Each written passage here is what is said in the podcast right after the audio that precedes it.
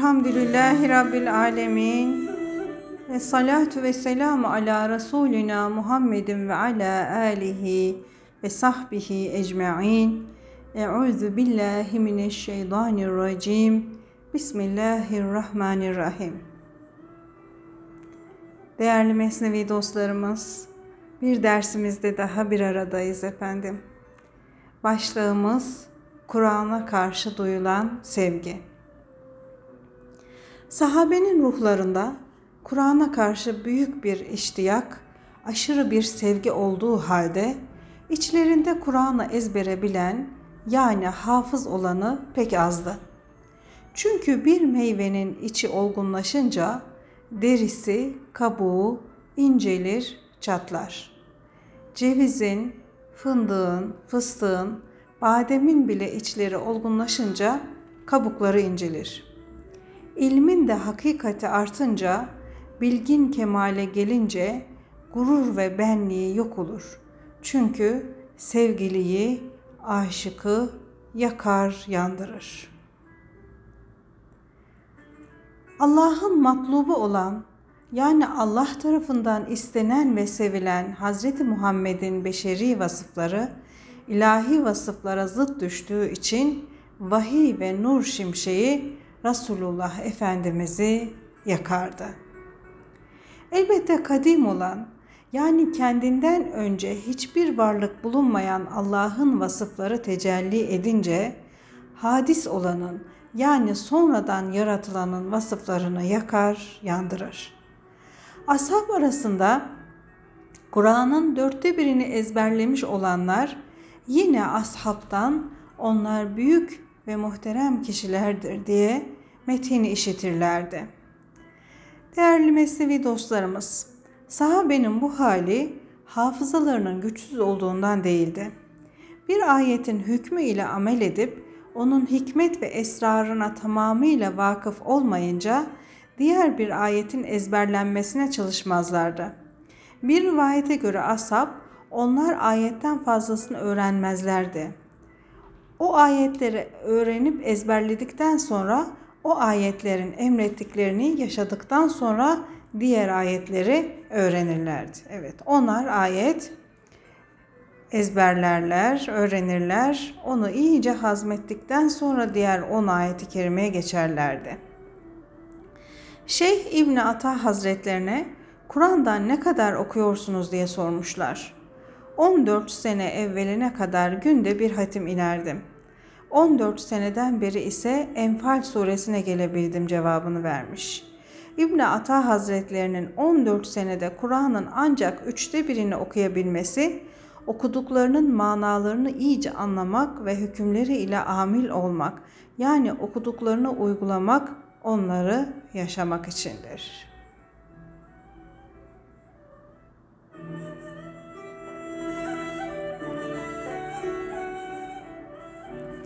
Devam edelim.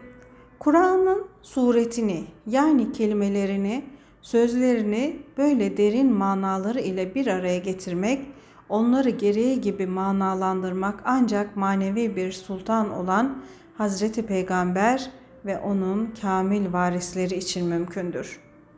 Böylece Kur'an'ın derin manası ile kendinden geçiş halinde edep kollamak, her harekesine ve okunuş şartlarına uymak şaşılacak şeydir. İstina mertebesine ermiş, dünyevi her şeye doymuş, hiçbir isteği kalmamış, her şeye boş verme haline gelmiş olanlar için niyaza, yalvarıp yakarmaya düşmek, yuvarlak bir şeyi uzun bir şeyle bir araya getirmek gibi iki zıddı birleştirmek demektir. Değnek zaten körlerin sevgilisidir.'' Kur'an'ın manasını bırakıp kelimelerini ezberleyenler de Kur'an sandığı, Kur'an mahfazası olabilirler ancak.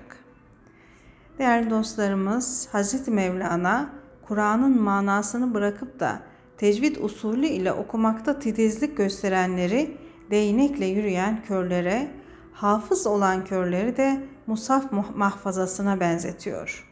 Yani yaptığıyla amel etmeyen, ezberlediğiyle, öğrendiğiyle amel etmeyen hafızları da musaf mahfazasına benzetiyor. Körlerin sözleri Musaf'ın harfleri ile hikayelerle, korkutuşlarla dop dolu sandıklardır. Elbette Kur'an dolu bir sandık, bomboş bir sandıktan iyidir. Yükten ve eşyadan bomboş olan bir sandık da farelerle, yılanlarla, akreplerle dolu olan sandıktan daha iyidir. Yukarıdaki beyitler dikkatle okunursa görülecektir ki Mevlana Kur'an ehlini, Kur'an okuyanları bir takım derecelere ayırmıştır. Birinci derecede olanlar Kur'an'ın hem dış yüzünü, kelimelerini doğru okuyan ve manasını bilen mutlu kişilerdir. İkinci derecede olanlar Kur'an kelimelerini, sözlerini bilip de esrar ve hakikatinden gafil olanlar. Üçüncü derecede olanlar Kur'an'ın yalnız lafızlarını, kelimelerini hıfzetmiş ve mushaf çekmecesi gibi kalmış olanlardır. Dördüncü derecede olanlar Kur'an'da tamamıyla boş, ne dışını ne içini bilmeyenler ve boş sandık gibi olanlardır. Beşinci derecede olanlar da kalpleri Kur'an'dan boş, fare ve yılan gibi yanlış, fasit fikirler, yanlış itikatlarla dolu olanlardır. Evet. Çok güzel derecelemiş Mevlana Hazretleri değerli dostlarımız. Kur'an-ı Kerim'le meşgul olan insanların dereceleri çok güzel. Devam edelim. Hulasa candan arzu ettiği sevgilisine kavuşunca kılavuz olan yani vasıta olan kadın aşıkın gözüne soğuk görünmeye başlar. Ey güzel varlık, dileğine eriştin ya, seni gayene ulaştıran bilgi artık senin işine yaramaz. Bu hususta bilgi istemek aşığa çirkindir. Madem ki gökyüzünün damlarına çıktın, oralarda geziniyorsun, artık merdiven aramak manasızdır, soğuktur. Hayra ulaştıktan sonra sizi hayra götüren yola tekrar düşmek manasızdır. Ancak bir dosta yahut başkalarına bir şeyler öğretmek, yardımcı olmak maksadı ile yolda yürünülür.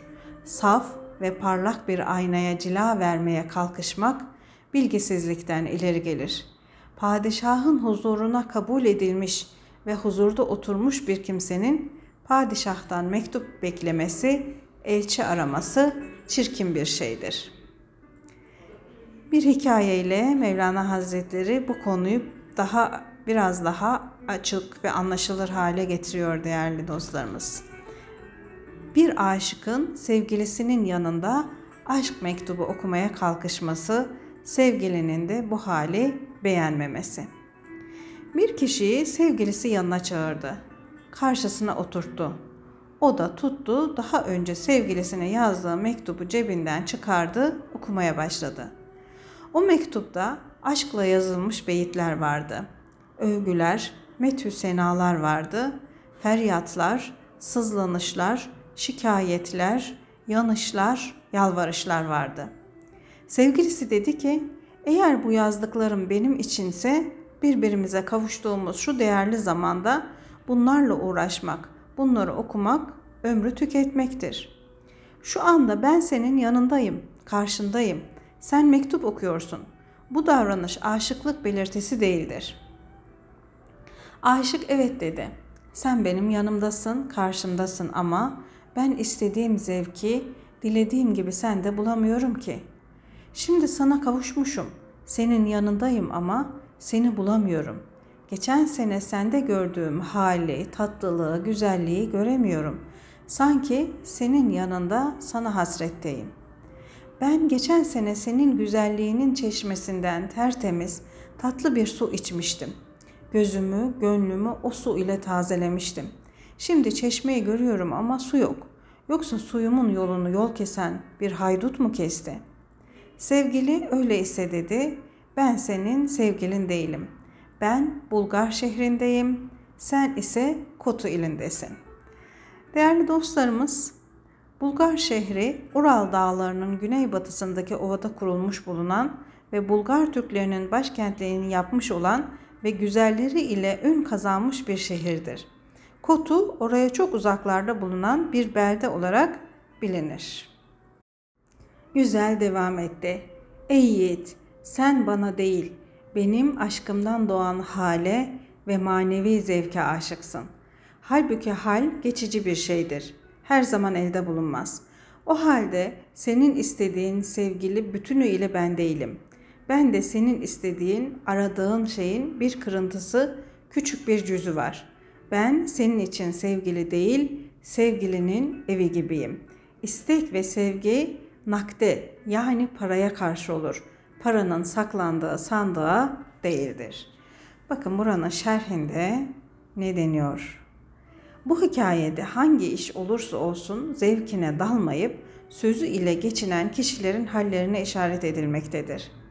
Ziya Paşa'nın aynesi iştir kişinin lafa bakılmaz mısrası buraya uygun düşer. Bu hikayede çok derin manalar gizlenmiştir. Şöyle ki aşık hak sevgisine ulaşınca o sevgi vasıtasıyla ona çeşitli haller gelir, gönlü uyanır. Hiç kimsenin almadığı manevi zevki alır. Aşk ona gönül verir, onu kendisine dost edinir. Şiirde demek istiyor ki, sen fani güzelliklere takılıp kaldığın, gerçek varlığın nakdini, cevherini göremediğinden beri ben senin sevgilin değilim. Değişik hallerde karşına çıkan fani görüntülere takılıp ölümsüz olan gerçek sevgiliyi bulamadığın için esas merkezden, kaynaktan gelen sevgiden mahrum kalmışsın. Hikayede geçen nakd para manevi zevklerin getirdiği halleri, heyecanları gösteriyor. Aşk ise ilahi sevginin sembolüdür. Sandık da sevgili değil de sevgilinin evidir. Sevgili, gerçek sevgili ancak Allah'tır. Gerçek sevgili tek olan, benzeri olmayan sevgilidir. Senin bu dünyaya gelişin de ondandır, gidişin de onadır. Sen ondan geldin, ona gideceksin. Onu bulunca artık başkasını beklemezsin. O hem apaçık meydandadır hem de gizlidir, görünmez. Gerçek aşık hallerin emiridir.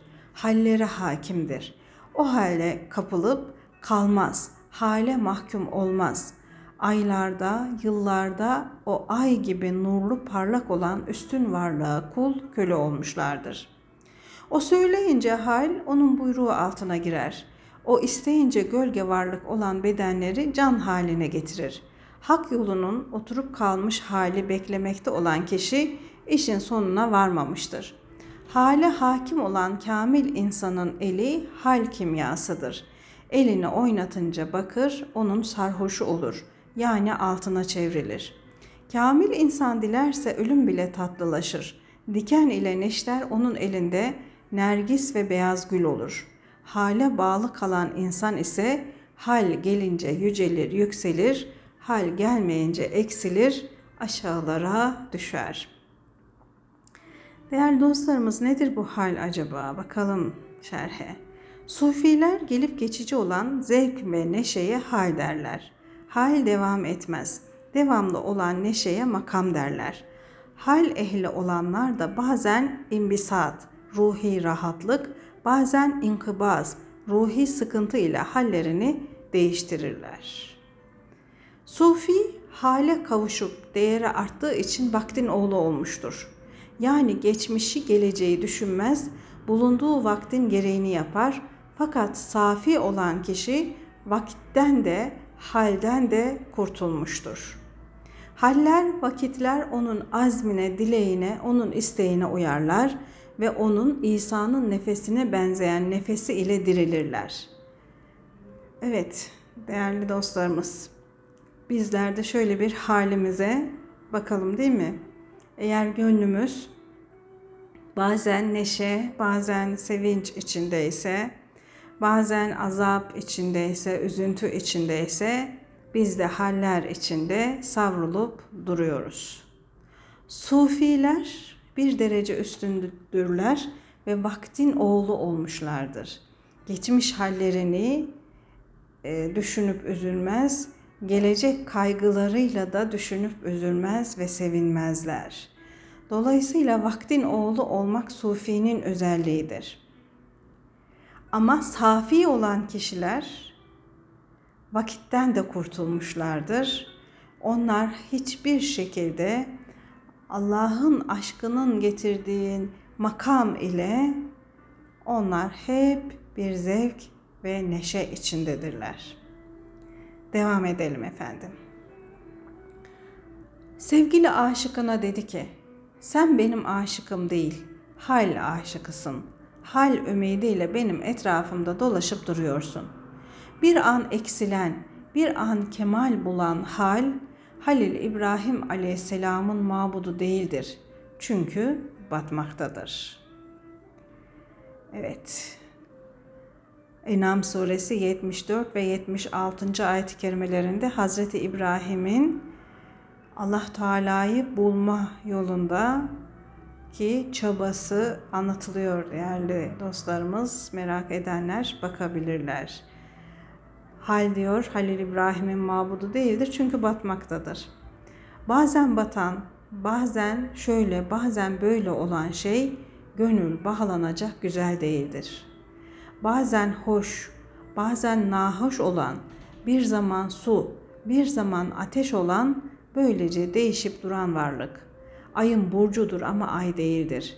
Görünüşte güzeldir fakat güzelliğinden ve kendini yaratandan haberi bile yoktur. Gönlü tertemiz olan sufi kişi vaktin oğludur. Ama babası imiş gibi vakti avucu içine almıştır, onu sımsıkı tutmuştur. Safi olan kamil insan ise tamamıyla Allah'ın aşk denizine batmıştır. Aslında o kimsenin oğlu yani kimseye bağlı değildir. Vakitlerden de hallerden de kurtulmuştur. O doğurmayan bir nura batmıştır. Doğmamak ve doğurmamak ise Allah'ın vasfıdır. Eğer diri isen git de böyle bir aşkı ara. Yoksa sen çeşitli, değişip duran vakitlerin kulusun, kölesisin. Sen kendi şeklini, bedeninin çirkin ve güzel olmasına bakma da kendinin aşkına ve isteğine bak. Ey aziz varlık! Sen kendini hakir yahut zayıf olmasına değil de kendi himmetine, kendi gayretine bak. Sen ne halde olursan ol, istekten vazgeçme. Ey susamış, dudakları kurumuş kişi, durmadan su ara. Değerli dostlarımız, insanın kıymeti himmeti ile ölçülür. Himmeti yani yardım ve iyiliği ne kadar yüksekse kendisi de o kadar yüksektir. Bu yükseklik ise imanın kemalinden ileri gelir. Çünkü himmetin yüksekliği imandandır. Hazreti Mevlana bu beyitlerde bizi ümitsizliğe düşmekten, karamsar olmaktan alıkoymak istiyor. Çünkü Allah'ın lütuf ve kereminden ancak kafirler meyus olurlar. Ümitsiz olurlar. Başka bir mesnevi beytinde şöyle buyrulur topal, aksak, uyuz ve terbiyesiz bir halde bile Allah yolunda sürün ve onu iste.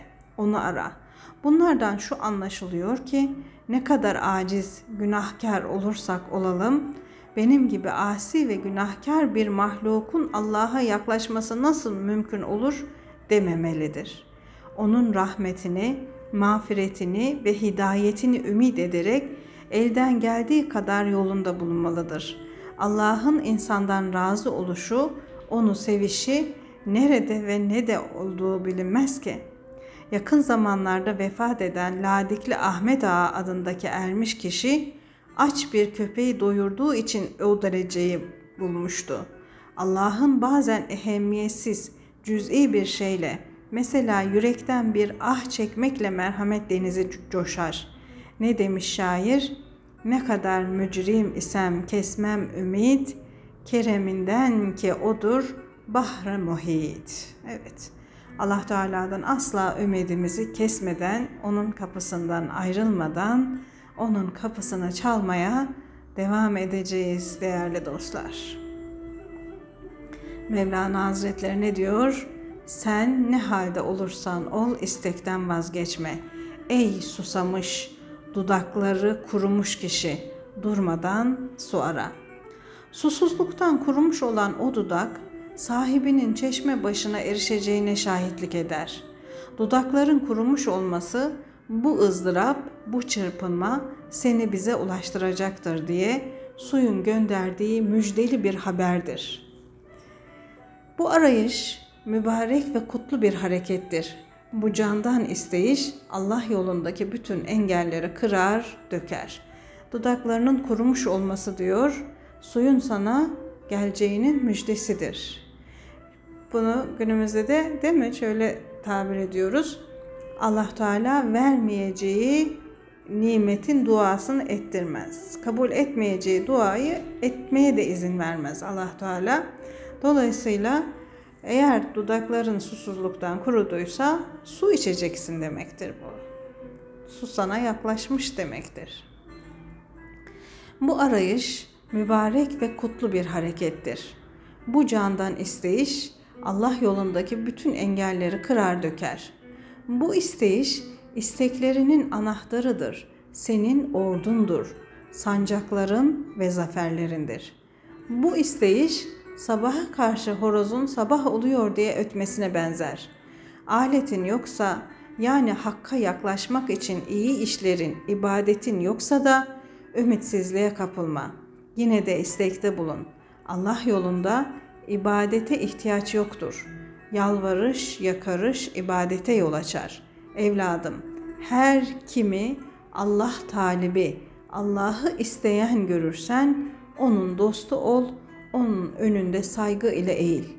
Allah'ı isteyenlerin, Allah dostu olanların komşusu olursan sen de hakkı isteyenlerden olursun. Onların sayesinde sen de nefis savaşını kazanırsın. Eğer bir karınca Süleymanlık isteğinde bulunursa şaşma. Onun isteğini hor görme. Sen ondaki himmete, gayrete, cesarete imrenerek bak.